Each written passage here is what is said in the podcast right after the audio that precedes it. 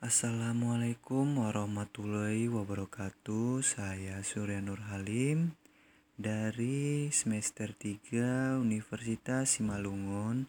NPM saya 195001110 jurusan Ekonomi Manajemen.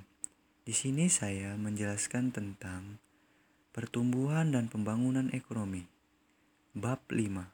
1. Pendahuluan. Suatu teori pada dasarnya adalah merupakan penyederhanaan dari situasi yang sebenarnya. Dalam hubungan pengertian yang demikian, teori ekonomi pembangunan adalah penjelasan mengenai variabel-variabel apa yang menentukan kenaikan output per kapita suatu masyarakat atau bangsa jalan jangka panjang, dan bagaimana variabel-variabel tersebut berinteraksi satu dengan yang lain sehingga terjadi proses pembangunan. 2. Teori pertumbuhan ekonomi linear A. Teori Adam Smith Teori pertumbuhan Adam Smith membagi tahapan pertumbuhan ekonomi menjadi lima tahap yang berurutan yaitu dimulai dari masa perburuan, masa bertenak, masa bercocok tanam, masa perdagangan, dan yang terakhir adalah tahap perindustrian. Proses pertumbuhan ekonomi sebagai suatu fungsi tujuan pada akhirnya harus tunduk terhadap fungsi kendala yaitu keterbatasan sumber daya ekonomi itu sendiri. Semua tahap pembangunan tersebut tidak terlepas dari kondisi dasar yaitu bahwa pasar yang dihadapi adalah persaingan sempurna yaitu mempunyai karakteristik ada banyak penjual dan pembeli di pasar. Produk yang diperjualbeli bersifat homogen. Tidak ada polusi antara penjual maupun pembeli. Semua sumber daya memiliki mobilitas sempurna, pembeli dan penjual memiliki informasi sempurna mengenai kondisi pasar. Yang B. Teori Karl Marx, teori pembangunan. Teori pembangunan di, dikemukakan oleh Karl Marx berdasarkan argumen pada asumsi bahwa masyarakat pada dasarnya terbagi menjadi dua golongan, yaitu masyarakat pemilik tanah dan masyarakat yang bukan pemilik tanah. Masyarakat pemilik modal dan masyarakat bukan pemilik modal di mana kedua kelompok tersebut sebenarnya terjadi konflik kepentingan. Kritik terhadap Karl Marx terutama ditunjukkan pada asumsi adanya nilai lebih. Dalam suatu perekonomian adanya keharusan perubahan dari masyarakat kapitalis menuju masyarakat sosialis dengan jalan revolusi.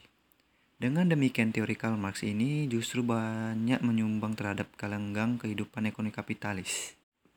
Yang C. Teori Rostov Tahap-tahap pertumbuhan. Rostov proses pembangunan ekonomi dapat dibedakan dalam lima tahap dan setiap negara berada dalam salah satu dari tahap-tahap pembangunan sebagai berikut. Satu, Masyarakat tradisional. Kedua, persyaratan lepas landas. Ketiga, tahap lepas landas. Keempat, tahap gerak menuju ke kematangan. Yang kelima, tahap konsumsi masa tinggi. Yang ketiga, teori perubahan struktural. Teori Boeke tentang dualisme sosial. Pengertian dualisme sosialis mula-mula dicetukan oleh Boeke yang menyatakan bahwa dalam suatu masyarakat terhadap dua sistem yang sangat berbeda. B. Teori pembangunan Arthur Lewis, dualisme ekonomi. Teori ini pada dasarnya membahas proses pembangunan yang terjadi antara daerah perkotaan dan perdesaan yang mengikuti sertakan proses urbanisasi yang terjadi di antara kedua tempat tersebut. Teori ini juga membahas pola investasi yang terjadi di sektor modern dan termasuk juga di sistem penetapan upah yang berlaku sektor modern yang akhirnya berpengaruh besar terhadap arus urbanisasi yang ada. Teori Lewis ini dikembangkan melalui pengajian permasalahan tersebut di atas dengan didasarkan pada asumsi-asumsi sebagai berikut. Yang pertama, perekonomian tertutup, tidak ada perdagangan internasional, dan tidak ada modal asing. Tenaga kerja adalah satu-satunya faktor produksi yang bisa disesuaikan. Yang ketiga, terdapat perubahan ekonomi di sektor pertanian dan sektor industri. Yang keempat, dalam sektor modern berlaku fungsi produksi Ohm sama dengan V KL, di mana di antara dan L dapat saling meng mensubstitusikan. Yang kelima, hanya pemilik kapital modal yang mampu menabung dan melakukan investasi terhadap pengangguran tidak kentara sektor pertanian di mana sektor tenaga kerja menerima upah subseptif tambungan non. Yang C. Hollis-Cheney Teori Pembangunan Hollis-Cheney melakukan penelitian yang menunjukkan tentang transformasi struktur produksi sejalan dengan peningkatan pendapatan per kapita perekonomian sesuatu negara akan bergeser dari yang semula mengandalkan sektor pertanian kesehatan industri. D. Teori Harrod Domar akumulasi modal. Teori Harrod modal memberikan peranan kunci kepada investasi dalam menumbuhan ekonomi. Harrod Domar mengembangkan teorinya berdasarkan beberapa asumsi antara lain sebagai berikut. Yang pertama, bahwa aggregate supply dan aggregate demand akan diseimbangkan jika investasi pada suatu periode tertentu. Perubahan pendapatan nasional. Balikan capital output ratio, di mana menunjukkan nilai modal yang diperlukan untuk memproduksi suatu unit output dengan nilai tertentu dalam suatu periode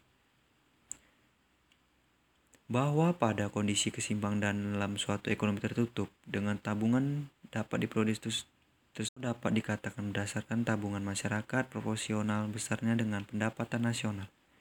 Yang ketiga, perekonomian dalam keadaan pengerjaan penuh dan barang-barang modal yang ada dalam masyarakat digunakan secara penuh. Yang keempat, perekonomian terdiri atas dua sektor yaitu sektor rumah tangga dan sektor perusahaan yang berarti pemerintah dan perdagangan luar negeri tidak ada. 4. Teori dependensial. Teori dependensial berusaha menjelaskan penyebab keterbelakangan ekonomi yang dialami oleh negara-negara berkembang. Asumsi dari teori ini adalah pembagian perekonomian dunia menjadi dua golongan. Yang pertama adalah perekonomian negara-negara maju dan kedua adalah perekonomian negara-negara sedang berkembang. 5. Teori neoklasik penentangan revolusi. Tampaknya teori ini hanya tepat diterapkan di negara-negara yang maju daripada negara-negara sedang berkembang karena konsep perdagangan bebas dan pasar persaingan sempurna merupakan hal yang hanya dapat dipenuhi oleh negara-negara yang sedang maju. Sedangkan di negara-negara sedang berkembang pasar yang ada cenderung membentuk monopoli dan oligopoli. Keenam, teori Schumpeter. Pendapat Schumpeter yang paling penting merupakan landasan teori pembangunan adalah keyakinan bahwa sistem ekonomi kapitalisme merupakan sistem ekonomi yang paling baik untuk menciptakan pembangunan ekonomi yang pesat. Schumpeter, kunci utama dalam perkembangan ekonomi, adalah proses inovasi dan pelakunya adalah para inovator atau wirausaha entrepreneur di samping maupun meningkatkan keuntungan dan menaikkan standar hidup masyarakat juga mampu memenangkan dalam persaingan untuk memperoleh kedudukan monopoli. Sampai di sinilah yang dapat saya jelaskan, kurang lebihnya saya mohon maaf. Saya sudahi. Assalamualaikum warahmatullahi taala wabarakatuh.